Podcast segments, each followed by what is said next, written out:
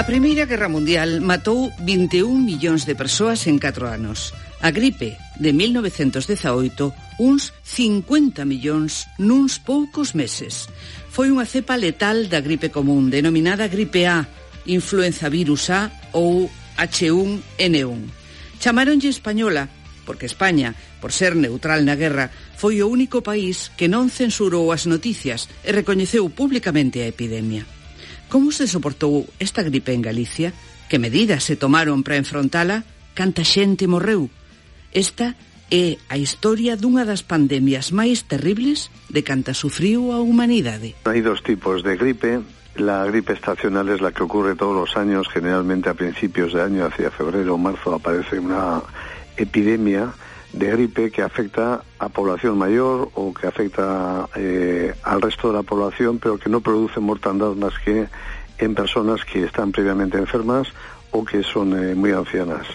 En cambio, la gripe pandémica es una gripe que aparece en periodos mucho más largos, cada 15, 20, 25 años aparece, muta el virus y aparece una eh, gripe especialmente virulenta no suele afectar eh, especialmente a población mayor o a personas debilitadas y su característica fundamental es que mata eh, adultos jóvenes, personas entre 15, 20, 30 años y esa es la característica principal de las diferentes eh, gripes pandémicas que ha habido a lo largo de la historia. Antón Ercoreca, profesor da Facultade de Medicina da Universidade do País Vasco e director do Museo Vasco da Historia da Medicina, autor de numerosos traballos sobre a gripe do 18. Conocemos muy bien las que empiezan a aparecer a finales del 19, concretamente el año 1889, eh, a finales del año y luego durante el año 1990 en la que se llamó en su momento gripe rusa, apareció en Asia Central, luego se le identificó en Rusia y desde allí se extendió por toda Europa y por todo el mundo, produjo una gran mortalidad, una gran mortalidad y fue una gripe realmente, una pandemia de gripe realmente dura, eh, poderosa.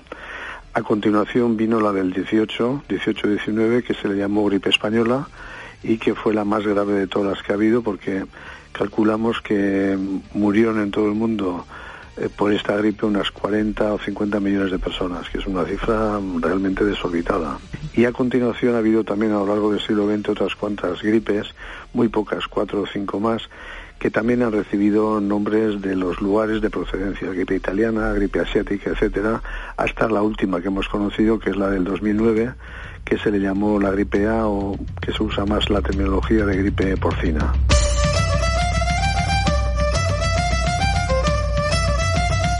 Algúns autores apuntan que a finais da primavera de 1918 a Axencia de Noticias Fabra enviou un teletipo a Reuters informando de que unha extraña forma de enfermidade de características epidémicas apareceu en Madrid. A epidemia é de carácter benigno, non se registraron defuncións. Así que os xornais empezaron a referirse a ela como a Spanish Flu ou Spanish Lady, un termo acuñado pola Real Academia de Medicina de Gran Bretaña. É frecuente atribuir as calamidades e as causas ou as orixes dunha enfermidade a países alleos. Hoxe en día está estendida a opinión de que a gripe non se orixinou en España. Non hai, en cambio, acordo sobre o lugar onde empezou. Apuntouse a unha base militar en Kansas, Fort Riley, onde aparece registrado un paciente o 11 de marzo de 1918. A epidemia chegou a Francia entre abril e maio, o campamento número 4 de Bordeos.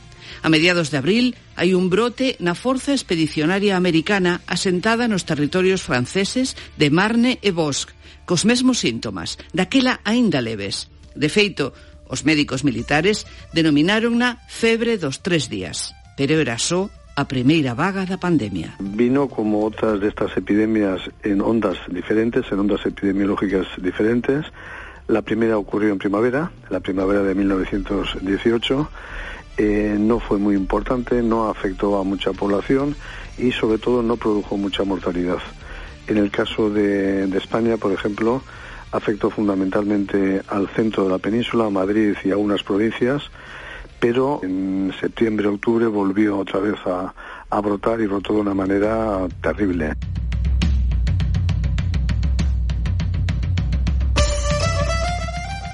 No contingente militar americano houbo 1.850 casos de gripe en abril, 1.124 en maio, 5.700 en xuño e 5.788 en xullo, momento no que se produciron os primeiros cinco falecementos americanos. Entre os soldados franceses houbo 24.886 afectados en maio do 18, dos que faleceron sete, No mes seguinte faleceron 24, con máis de 12.000 enfermos, e en xullo houbo seis mortos. Foi un brote leve e extremadamente leve entre a poboación civil. Non transcorreu da mesma maneira en Madrid. En maio apareceu ali un brote moi grave, dunha expansión inusitada, que levou os xornais a informaren sobre o feito, primeiro nas páxinas interiores e logo na portada. Contábao así El Sol o 22 de maio. Parece que entre los soldados de la guarnición de Madrid se están dando muchos casos de enfermedad no diagnosticada todavía por los médicos. En un regimiento de artillería han caído enfermos del mismo mal 80 soldados. En otros regimientos llegan hasta los 50 casos.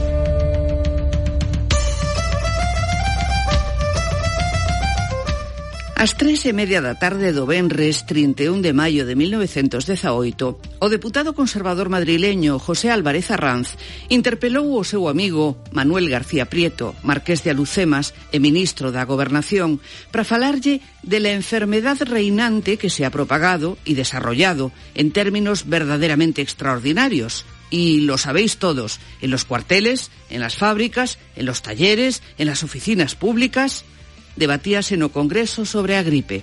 O deputado pediu ao ministro de Instrucción Pública que atrasase os exames de xuño os estudantes enfermos, pero o ministro estaba ausente, segundo a acta da sesión, porque continuaba afectado da enfermidade reinante.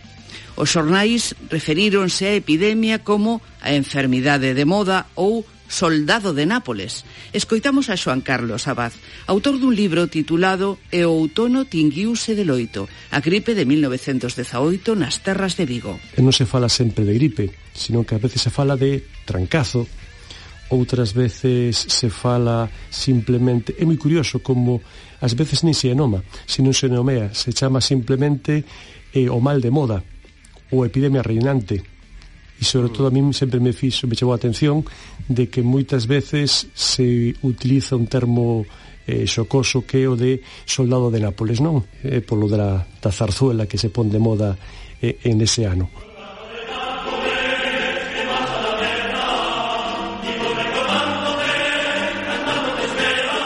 A parte da gripe española era conocida como soldado de Nápoles, non? pois unha zarzuela que en Madrid estrenouse no 18 e tiña unha canción moi pegadiza que decían que era tan pegadiza como a gripe, pero non era tan mala. Non, non, non. José María Veiga, autor, xunto a Carlos Fernández, dun estudo sobre a gripe do 18 en Betanzos. Los periodistas a veces actúan de, pues, eh, actúan o, o, o comunican de una manera, digamos, amable este tipo de temas y usaron una serie de términos como para quitarle hierro al tema. Era un tema muy grave muy importante, pero en algunos medios pues se le quitaba eh, hierro, como hoy en día sigue ocurriendo también cuando ocurren este tipo de temas.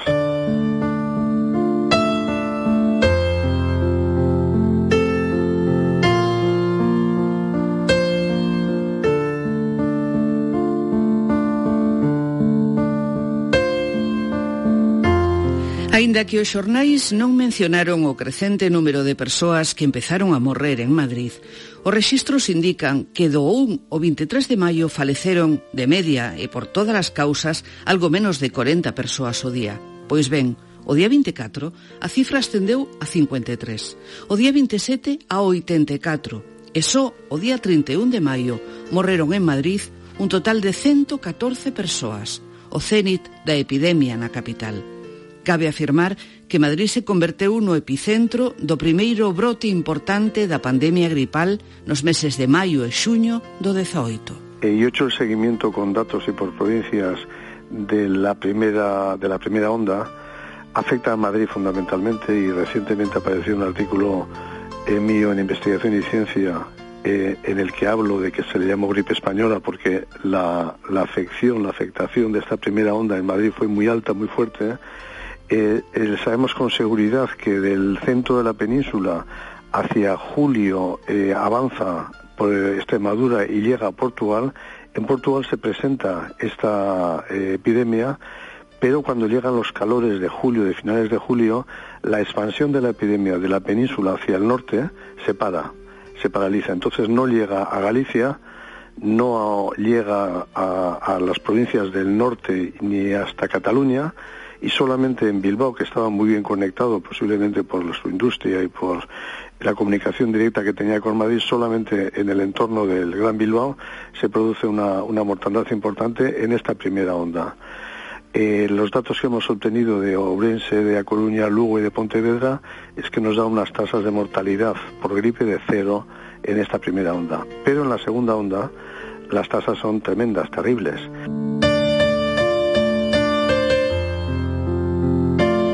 Pero antes de entrar nesa segunda vaga, a que afectou a Galicia, imos tentar establecer se a guerra tivo algo que ver na aparición deste virus que mutou ata converterse nun asasino implacable.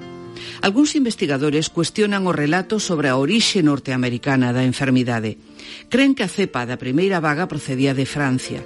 Teñen en conta que no 1916 un brote potente de gripe e neumonía bacteriana se desatara na base militar británica de Étaples, no norte francés.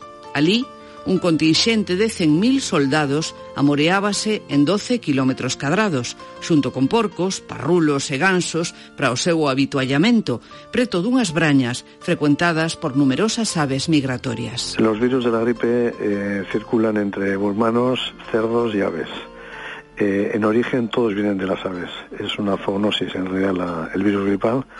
Eh, en origen viene de las aves y únicamente en este momento ya nos afecta también, sobre todo a nosotros.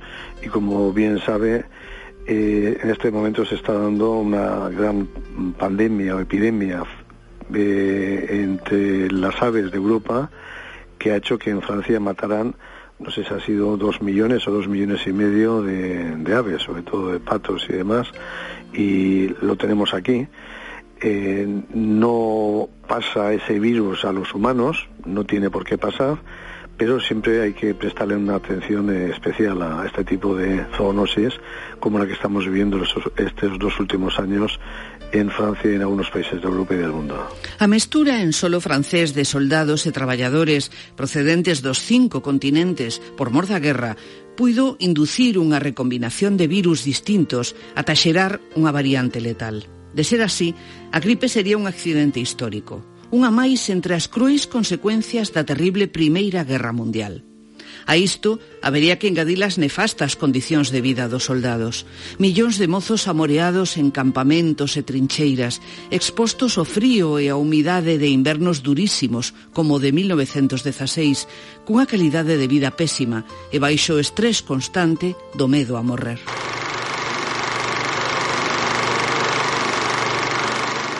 ¿Qué son tus piernas?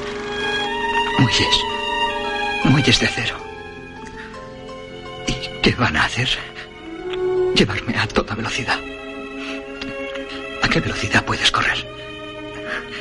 A la de un leopardo. ¿Y a qué velocidad vas a correr?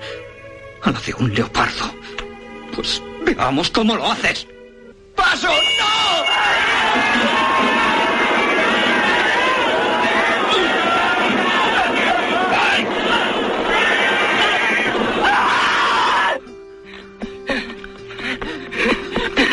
A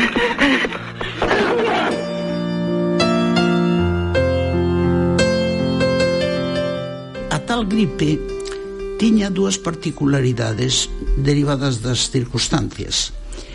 A primeira colleu a xente ano 18 xa tiñamos 4 anos en riba de guerra cas defensas baixas porque os que eran beligerantes, os soldados, pois xa non se diga, que estaban ali nas trincheiras pasando as negras en 20.000 sitios. E logo despois había unha carencia relativa de cousas, suministros, víveres, etc. etc.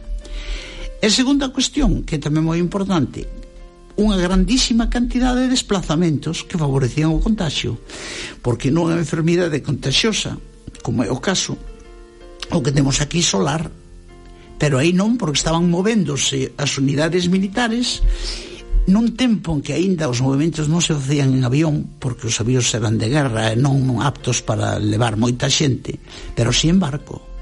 Entón estabanse movendo as tropas desde os países de procedencia aos escenarios de batalla, que eran plurales, Esta había incluso unha certa emigración daqueles sitios quentes que a población civil fuxía entonces moveuse moito a xente e eso facilitou o contagio. Xosé Carro Otero, catedrático de Historia da Medicina da Universidade de Santiago.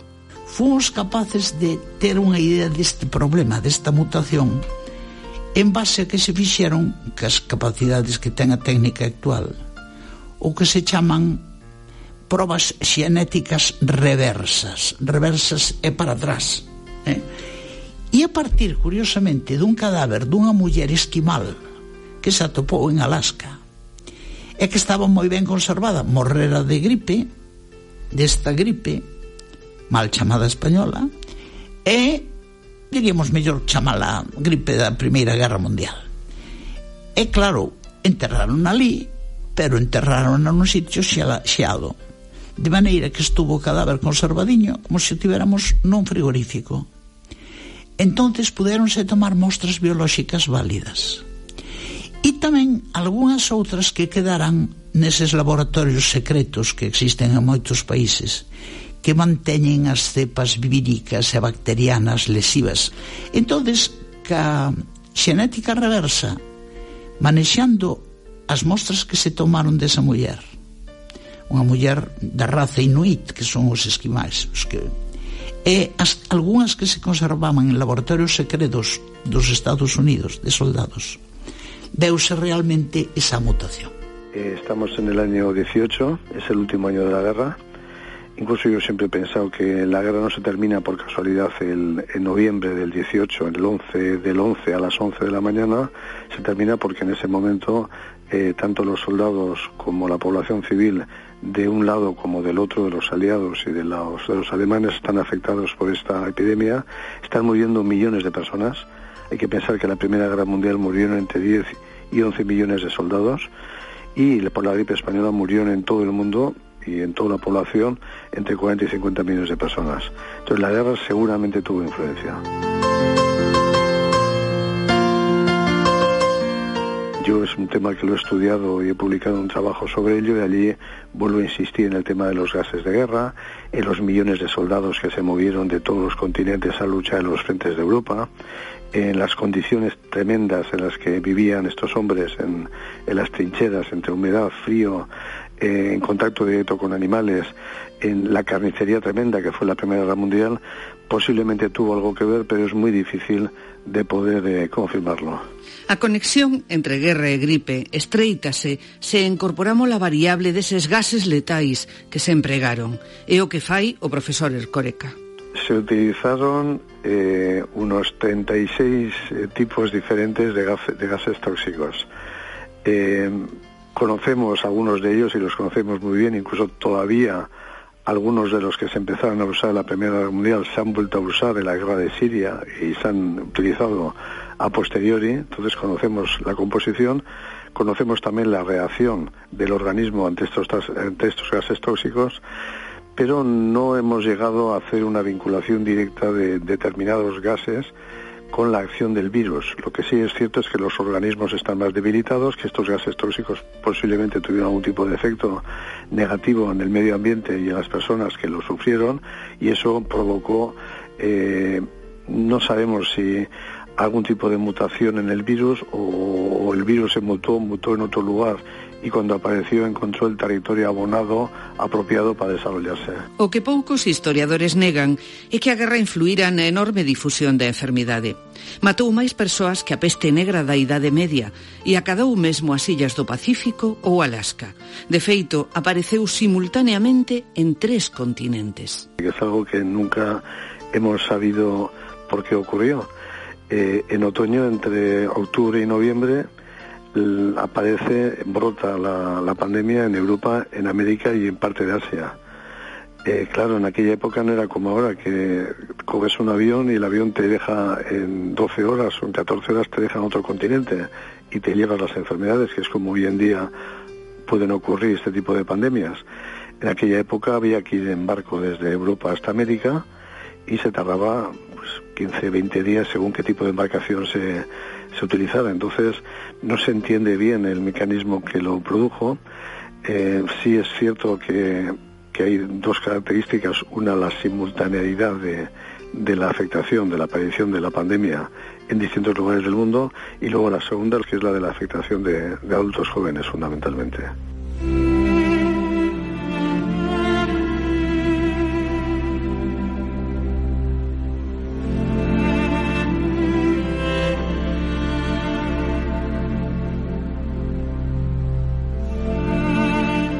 No outono chegou a vaga máis grave da pandemia. Estímase que en España morreron unhas 260.000 persoas. Houbo máis de 8 millóns de contagiados. Con estas cifras non é de extrañar que se producisen chamamentos angustiosos no Congreso dos Deputados. O deputado maurista Benito Andrade y Uribe sobre os sufrimentos de Burgos. Los atacados por la enfermedad en la provincia llegan a 40.000. Algunos casos son verdaderamente graves. Sobreviene la muerte casi inmediatamente, en uno o dos días. Julio Vais solicitou a remuda para os carteiros e telegrafistas mortos na Coruña. Manuel Pidal, deputado por Badajoz, pediu para Villafranca de los Barros socorro urxente. Outro conservador, Juan Aragón, axuda para Soria, con 12.000 casos, e o murciano Joaquín Codorniu reclamou para Yecla o envío de quinina, de soros, de desinfectantes, porque na farmacia da localidade carecen en absoluto deses remedios. O reformista asturiano José Manuel Pedregal pediu por Luanco, coa maioría da veciñanza na cama, e na cama, enfermos tamén, os catro médicos da vila. Mesmo un tal Ortega e Gasset levou o hemiciclo o 19 de novembro o berro de dor da cidade de Málaga. O socialista Largo Caballero exixiu ao goberno que os prezos dos medicamentos non cheguen ao inconcebible, ata o extremo de que mediciñas que valían 40 pesetas o kilo, afirma, Hoxe, o mínimo que se pide por elas é mil pesetas. Un deputado conservador, Juan de la Cierva, e outro de esquerdas, Julián Besteiro, achacaron a gravidade do mal á pobreza. Hai pueblos que perecen de miseria, Hai millares e millares de familias que non tienen ni medicamentos ni medios para la subsistencia, clamou o conservador. Besteiro tomou a palabra. Se está arrancando a un país dinero para gastos militares innecesarios, y ese dinero no se emplea para asistir a los reclutas que caen enfermos, sino que se les manda luego a sus aldeas, en las cuales no encuentran ni médicos ni medicinas. Unha das causas de que a mortalidade española sexa moi superior a dos demais países europeos e americanos é o estado de inanición crónica en que vive sometido o povo español, terzou o republicano Pi Suñer. A tensión sobre o goberno foi tan intensa que nun debate o 24 de outubro de 1918 o presidente Maura recoñeceu. Ni este ni ningún gobierno pode hacer milagros. No sé si podré extremar mi diligencia. Haré lo posible por extremarla, pero no prometo milagros. Si alguien hubiese capaz de hacerlos, yo desearía que ocupara mi puesto.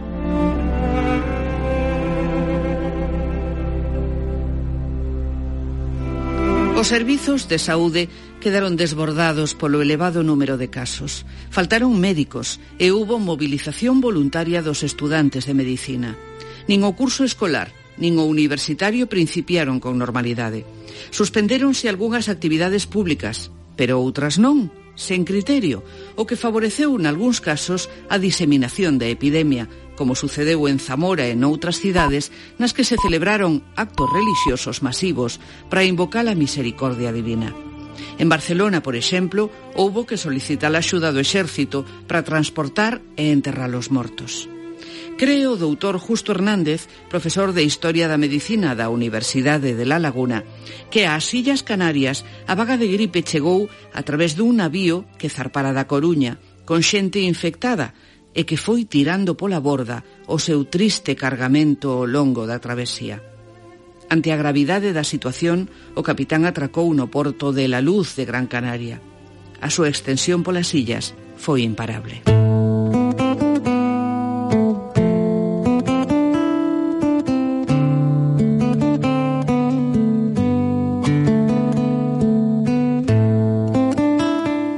dispoñemos de cifras oficiais de mortos ou doentes da gripe do 18 en Galicia. Contamos soamente con datos parciais, nalgúns casos extraídos dos xornais da época. Hai dúas provincias, Ourense e A Coruña, que son as que tienen unha maior mortalidade. Concretamente hemos calculado que en Ourense murieron entre el otoño y los primeros meses del 19, murieron 14 personas por cada mil habitantes. Es una cifra escalofriante. La vemos así en números y no nos damos cuenta, pero es una cifra muy, muy alta. Hoy en día, por todas las causas de muerte en Europa, cada año mueren ocho personas por cada mil habitantes. En A Coruña la cifra que hemos calculado es de 12 por mil habitantes y en Lugo y Pontevedra baja a 9, 10 eh, las cifras que hemos calculado. No sabemos además por qué las cifras de Ourense y de A Coruña fueron mucho más altas que las de Lugo y las de Pontevedra. En Vigo, segundo estima Xoan Carlos Abad no seu traballo, a enfermidade provocou 3.000 contaxios e máis de 600 mortos. A nivel de instalacións sanitarias, realmente só había un hospital, o Hospital El Duallen, que tiña unha capacidade extendendo a moito, se fala de 40 camas, extendendo a moito, e prácticamente non había nada máis, había unha casa de caridade. E despois estaba o hospital eh, militar. Eh, facía uns meses que se inaugurara o hospital o novo hospital militar eh, de Vigo que tampouco vai chegar para moito. De feito teñen que habilitar un hospital militar no Castelo de San Sebastián. O sea que a nivel de instalacións sanitarias a cousa está moi mal. Se ven completamente desbordados. Música A situación é lamentable, moitas zonas dos arredores de Vigo non ten auga corrente, non teñen alcantarillado, moitas das fontes están eh, están contaminadas porque polas rúas sae todo tipo de, de detritus.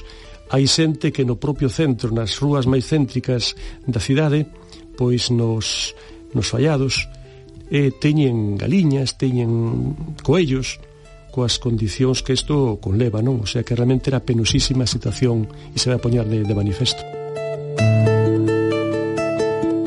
Se tardou bastante en tomar constancia da gravedade do que puda que podía supor. Entón actúa, pero se ven desbordados. O número de camas é claramente insuficiente entón se intenta crear un espacio para contagiosos. O gran problema que tía gripe era o alto índice de contagio entón se intenta incrementar a capacidade do hospital del Duallen. Incluso hai unha petición eh, ao Ministerio para que se permita habilitar como, como lugar de, de preservación de xente que ten eh, gripe o lazareto de San Simón. Finalmente se, non se acepta. Se intentan tamén crear pequenos hospitalillos en diversas partes da cidade que por certo terán moi mm, terán moi pouca incidencia porque vai haber protestas veciñais ante o medo de, do contagio. Como se manifestaba esta enfermidade e que efectos causaba aos doentes? A gripe, sobre todo esa gripe, a gripe eh, a gripe A, H1N1, que é a, a cepa que actúa con contundencia na gripe 18, e sobre todo o que será son problemas pulmonares, eh, neumonías, e que realmente as, os mortos veñen vinculados á neumonía, que ás veces incluso pode complicarse con outro tipo de manifestacións, sobre todo infecciosas. Entón, intuímos que como catalogación por actas de función, por eh, documentos municipais, eh, aparece en, en torno a 500 e pico, 600 eh, mortos en esta onda de, de outono. Tiña ademais de os efectos propios que como o corpo quedaba destrastrabillado totalmente favorecía que outros microorganismos patóxenos actuasen porque lle poñía a cousa a pelo. Entonces había moitas neumonías e era do que se solía morrer. Morrían por neumonías.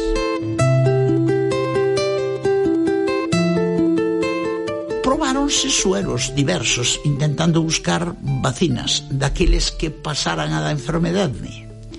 E sobreviviran tirabanlle sangre eliminaban por centrifugación os glóbulos e deixaban a parte líquida que é onde están os anticuerpos e facían inxeccións de anticuerpos. Pensando que algún tipo de microbio de bacilo se deben a cabo desinfeccións de moitos de moitos locais e institucións. Por exemplo, eh, se obriga a que os tranvías onde iba moita xente amoreada, polas noites teñen que ser desinfectados con esos produtos.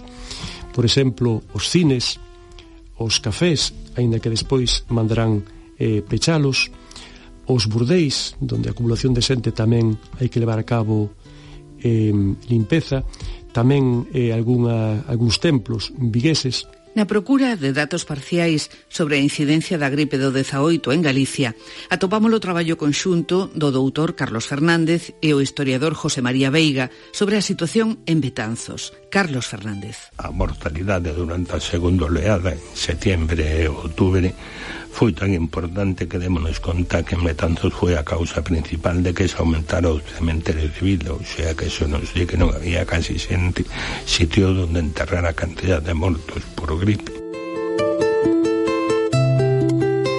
As tasas de mortalidade en Betanzos suben a 120 personas no mes. Hai un barrio en Betanzos, o da Ribeira, onde medrou a psicose da gripe ata o punto de que os veciños viaxaron a Coruña para manifestar o seu descontento ante o goberno civil. Os veciños protestaron porque ali tiñan o matadero público, tiñan cortadurías donde poñían as pieles a secar e, e despois as teñían, as teñían. Entón, todo iso provocaba un montón de malos olores e un montón de, de hacinamento entonces os veciños da Ribera veñen hasta a Coruña a protestar hasta o, nivel, hasta o gobernador civil. a zona da Ribeira en Betanzos pois era unha das zonas máis humildes igual que a, a parte da, da Pontevella que se ve na, nas puntas esas de defunción pois tamén era unha das máis afetadas Pero, como non hai nada como botarlle unha pinga de humor ás preocupacións, ata lle poñen ritmo de paso dobre, que di así. A un guardia en el puente viejo, una vaquita le murió, consecuencia de la gripe, de esa epidemia falleció. En un mal carro, despidiendo microbios, se le pagó el entierro, y toda la maldad la cogen todos los cándidos vecinos. Estos son desatinos de la seguridad.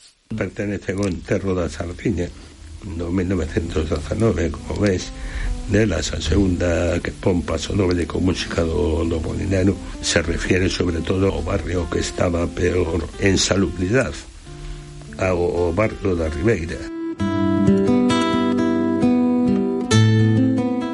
Juan Carlos Vázquez Arias é o autor dun artigo sobre a gripe do 18 en Pontedeume e noutros lugares da provincia da Coruña.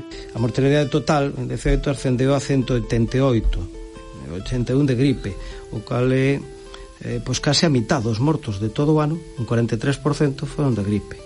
Eh, supón un incremento dun 150% comparado co, cos mortos do ano anterior, de 1917.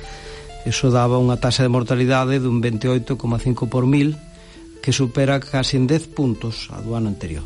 Con esa elevada mortaldade producíronse situacións ben tráxicas. Familias enteiras desaparecidas, víctimas deste mal.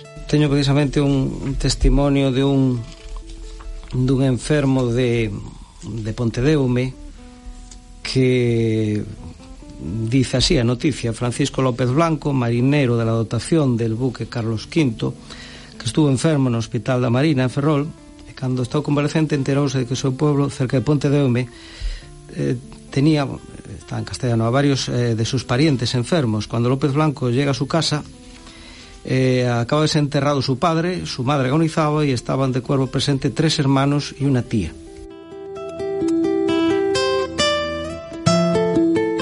En Ourense houbo que tomar medidas especiais como habilitar novos lugares para acomodar os doentes.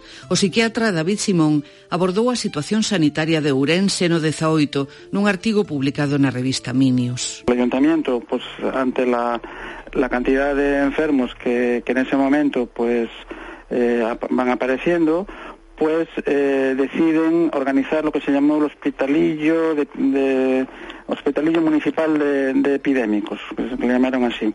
Este edificio, eh, digamos, fue un edificio provisional que se habilitó para, para este fin. Eh, para los que sean de Ourense, eh, lo, lo, organizaron en la, en la actual calle del Paseo, que en aquel momento se llamaba calle Vicente Pérez, eh, dentro de lo que sería eh, inicialmente en el Círculo Católico de Obreros, que en aquel momento eh, un edificio de la Iglesia, un edificio histórico que se conserva hoy en día, como decía, en la Delegación Municipal de Defensa, pues instalaron lo que llamaron Hospital Municipal de Epidémicos, con hospitalizaciones pues de de ambos sexos, de hombres y mujeres, eh, botiquín, y también tenían como una zona de registro y de, de, zona de desinfección. Y al lado, como decía, en el Círculo Católico de Obreros, que es un, un, edificio también que hoy en día está ya desaparecido hace años, pues también eh, instalaron lo que se llama la estación de desinfección de, de ropas, ¿no? sí que cuando llega la epidemia mmm, gripal a nivel de Ourense, desde el año 1910 venía funcionando eh, el laboratorio municipal de Ourense. El laboratorio municipal de Ourense realmente tuvo un protagonismo importante en la epidemia gripal. ¿Por qué? Porque fundamentalmente estaba muy desarrollado a nivel tanto lo que sean analíticas como sobre todo la parte de desinfección. Digamos, el laboratorio municipal podemos entenderlo como eh, se, llamaba, se llamaba laboratorio municipal, pero realmente coordinaba eh, otras labores, digamos, higiénico-sanitarias en el Concello. Esto sí que estamos hablando a nivel de Concello de Ourense. Eh, y realmente en ese aspecto pues tenían como unas brigadas, o bueno, brigadas que al final pues eran unas cuantas personas que se dedicaban a, a temas de, de, desinfección y esterilización de, pues, bueno, pues de edificios, de ropas. De, y eso realmente cuando llega la epidemia eh, gripal en Ourense, ese aspecto estaba, digamos, bien cubierto.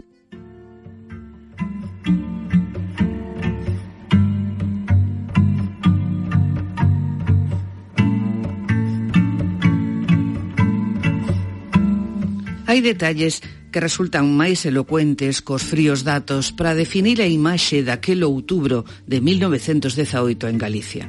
Situémonos en Santiago. A historia contounula o profesor Carro.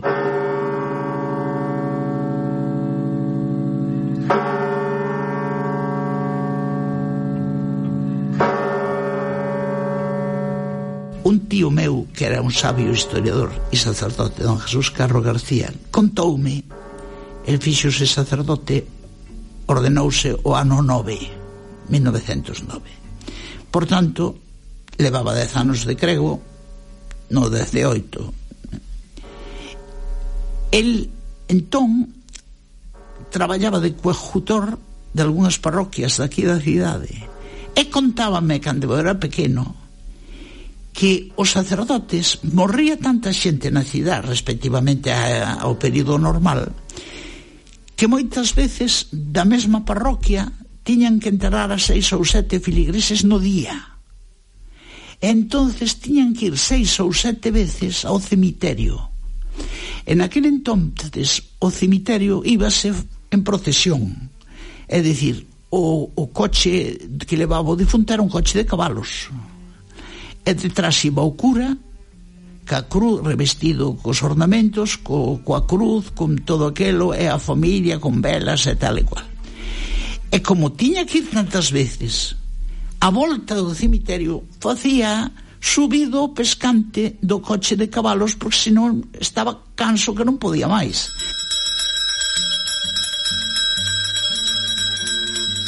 E a xente tamén que me contaba collía medo porque naquel, ente, naquel tempo anunciábase a morte da xente cos toques de campana das parroquias respectivas.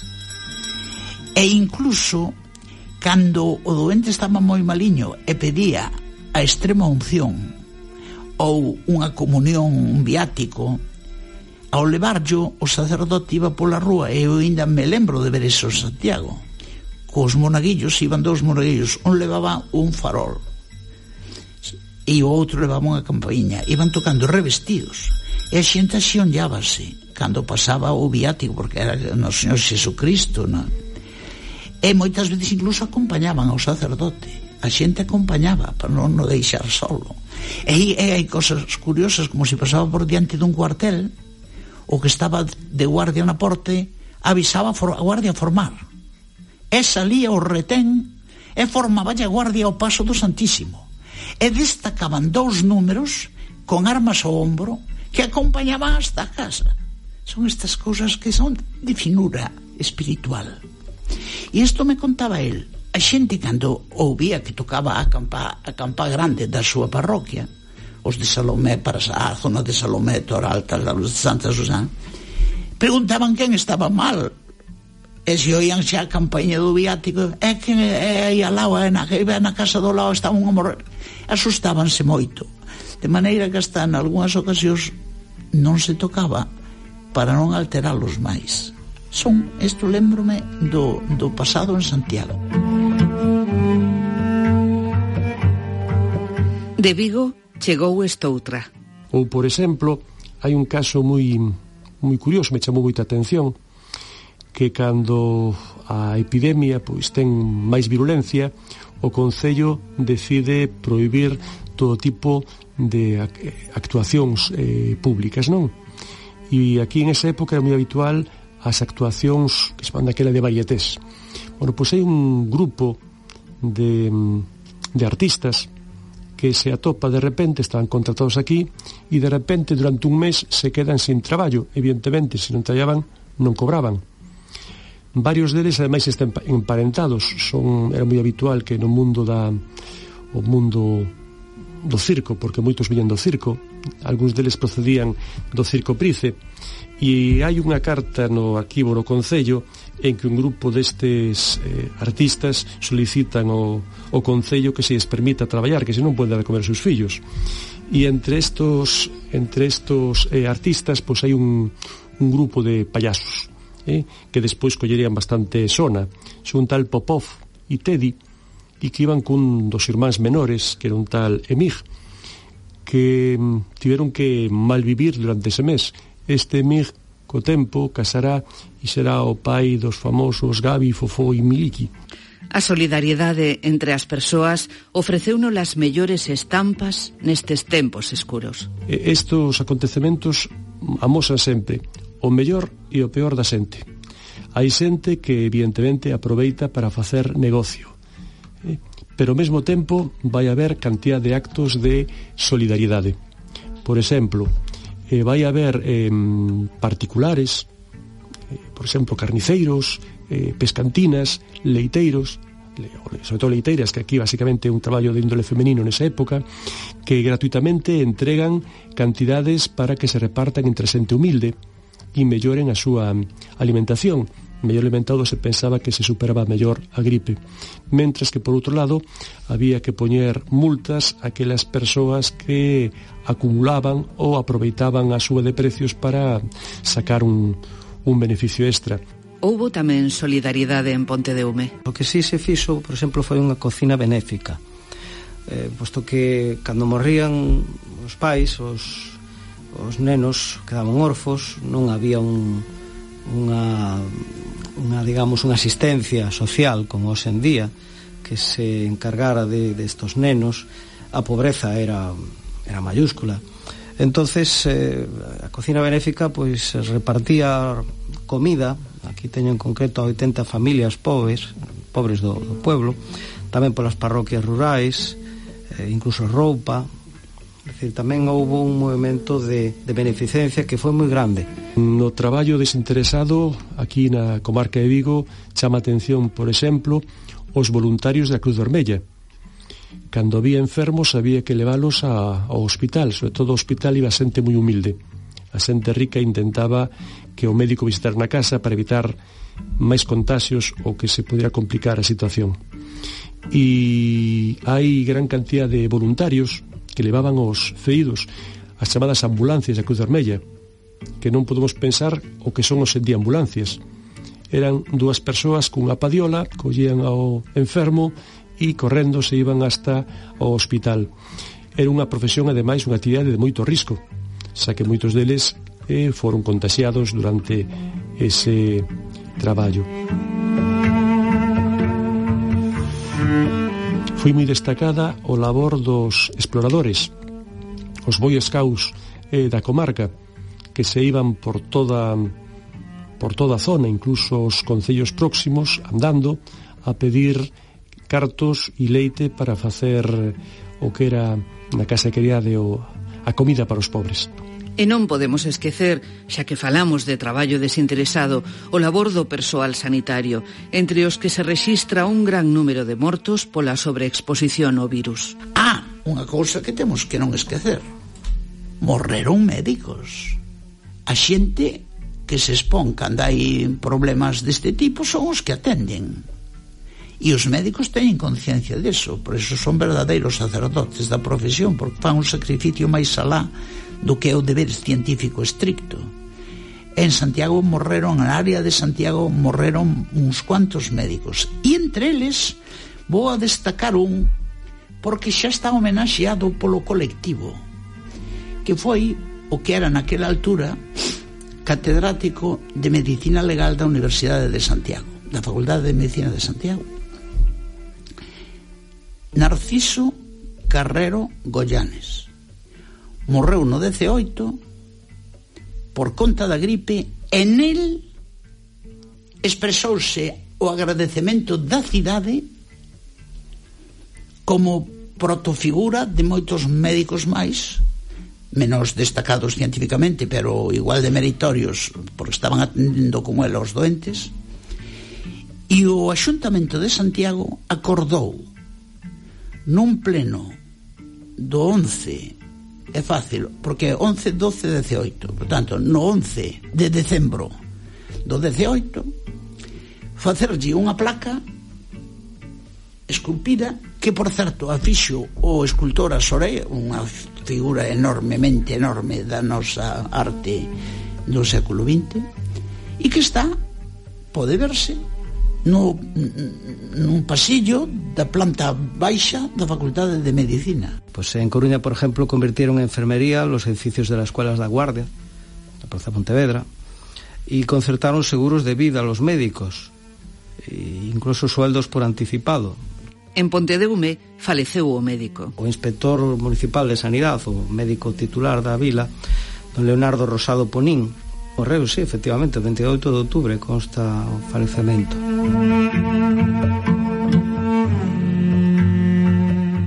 Xa o mencionou alguén aquí. Situacións como esta sacan o mellor e o peor dos seres humanos. Houbo farmacias que subiron os prezos dos medicamentos. Eh, eso levou a que algunha farmacia levara a, a, a ter que ter que decir que eles non non subiran os precios para defenderse de, desas acusacións. Eh? De feito, o día 27 de outubro publicase unha acusación de que algunhas farmacias levaron os precios dos medicamentos ata un 800%. O Colexo Farmacéutico di que castigará con mano dura os abusos. Hai moita xente que aproveita a gripe para facer o, o negocio e se vende de todo. Se venden xaropes que te garantizan que con eso A gripe, pois, eh, pasa de, de longo, pílulas diversas, vinos quinados, sabrón, que desinfecta. E incluso hai algunhas empresas que anuncian camisas e camisetas de felpa que evitaban a gripe, indicativo de que non se tiña moita idea de que era a gripe en sí, non?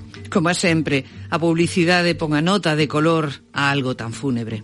Os nosos estudosos recolleron numerosos exemplos dos xornais, especialmente da voz de Galicia. Los máis distinguidos bacteriólogos convienen en que uno de los medios máis eficaces de combatir la epidemia reinante es usar un buen calzado, que evite o enfriamiento. Eh, a publicidade que ven precisamente na, na voz de Galicia é moi curiosa, porque veñen algúns anuncios eh, como un que dice la gripe, el vacilo que la produce es destruido por, eh, por un jarabe, digamos, ¿no?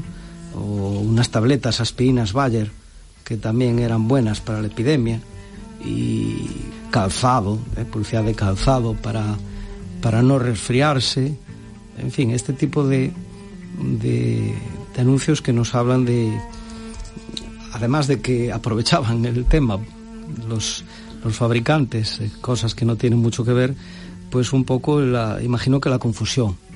Hubo mortos ilustres, vítimas da gripe, como o novelista Edmond Gostin, o autor de Cirano de Bergerac, ou Apollinaire, o arquitecto da Viena Imperial Otto Wagner e o pintor Gustav Klim. Eduard Munch, o autor do Berro, padeceu una, pero conseguiu superala.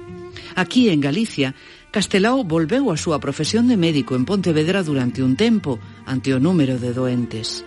En Betanzos atopou a morte o vicepresidente das Irmandades da Fala, que era Antón Ciaño Miravalles, eh, morreu nesa, nesa, nesa epidemia de setembro do 18 de outubro. Eh, eh, me acordei porque era a primeira esquela en galego que, que vin eu están moito máis afectadas as, as, as capas populares é dicir, a xente máis pobre eh, sempre leva a peor parte eh, normalmente se suele ver porque os eh, que viven mellor están mellor alimentados entonces están máis fortes, teñen máis defensas teñen máis medios incluso de curación Señor. Sargento, tenemos órdenes de regresar al frente inmediatamente. Déjelos un poco más, sargento. Sí, señor.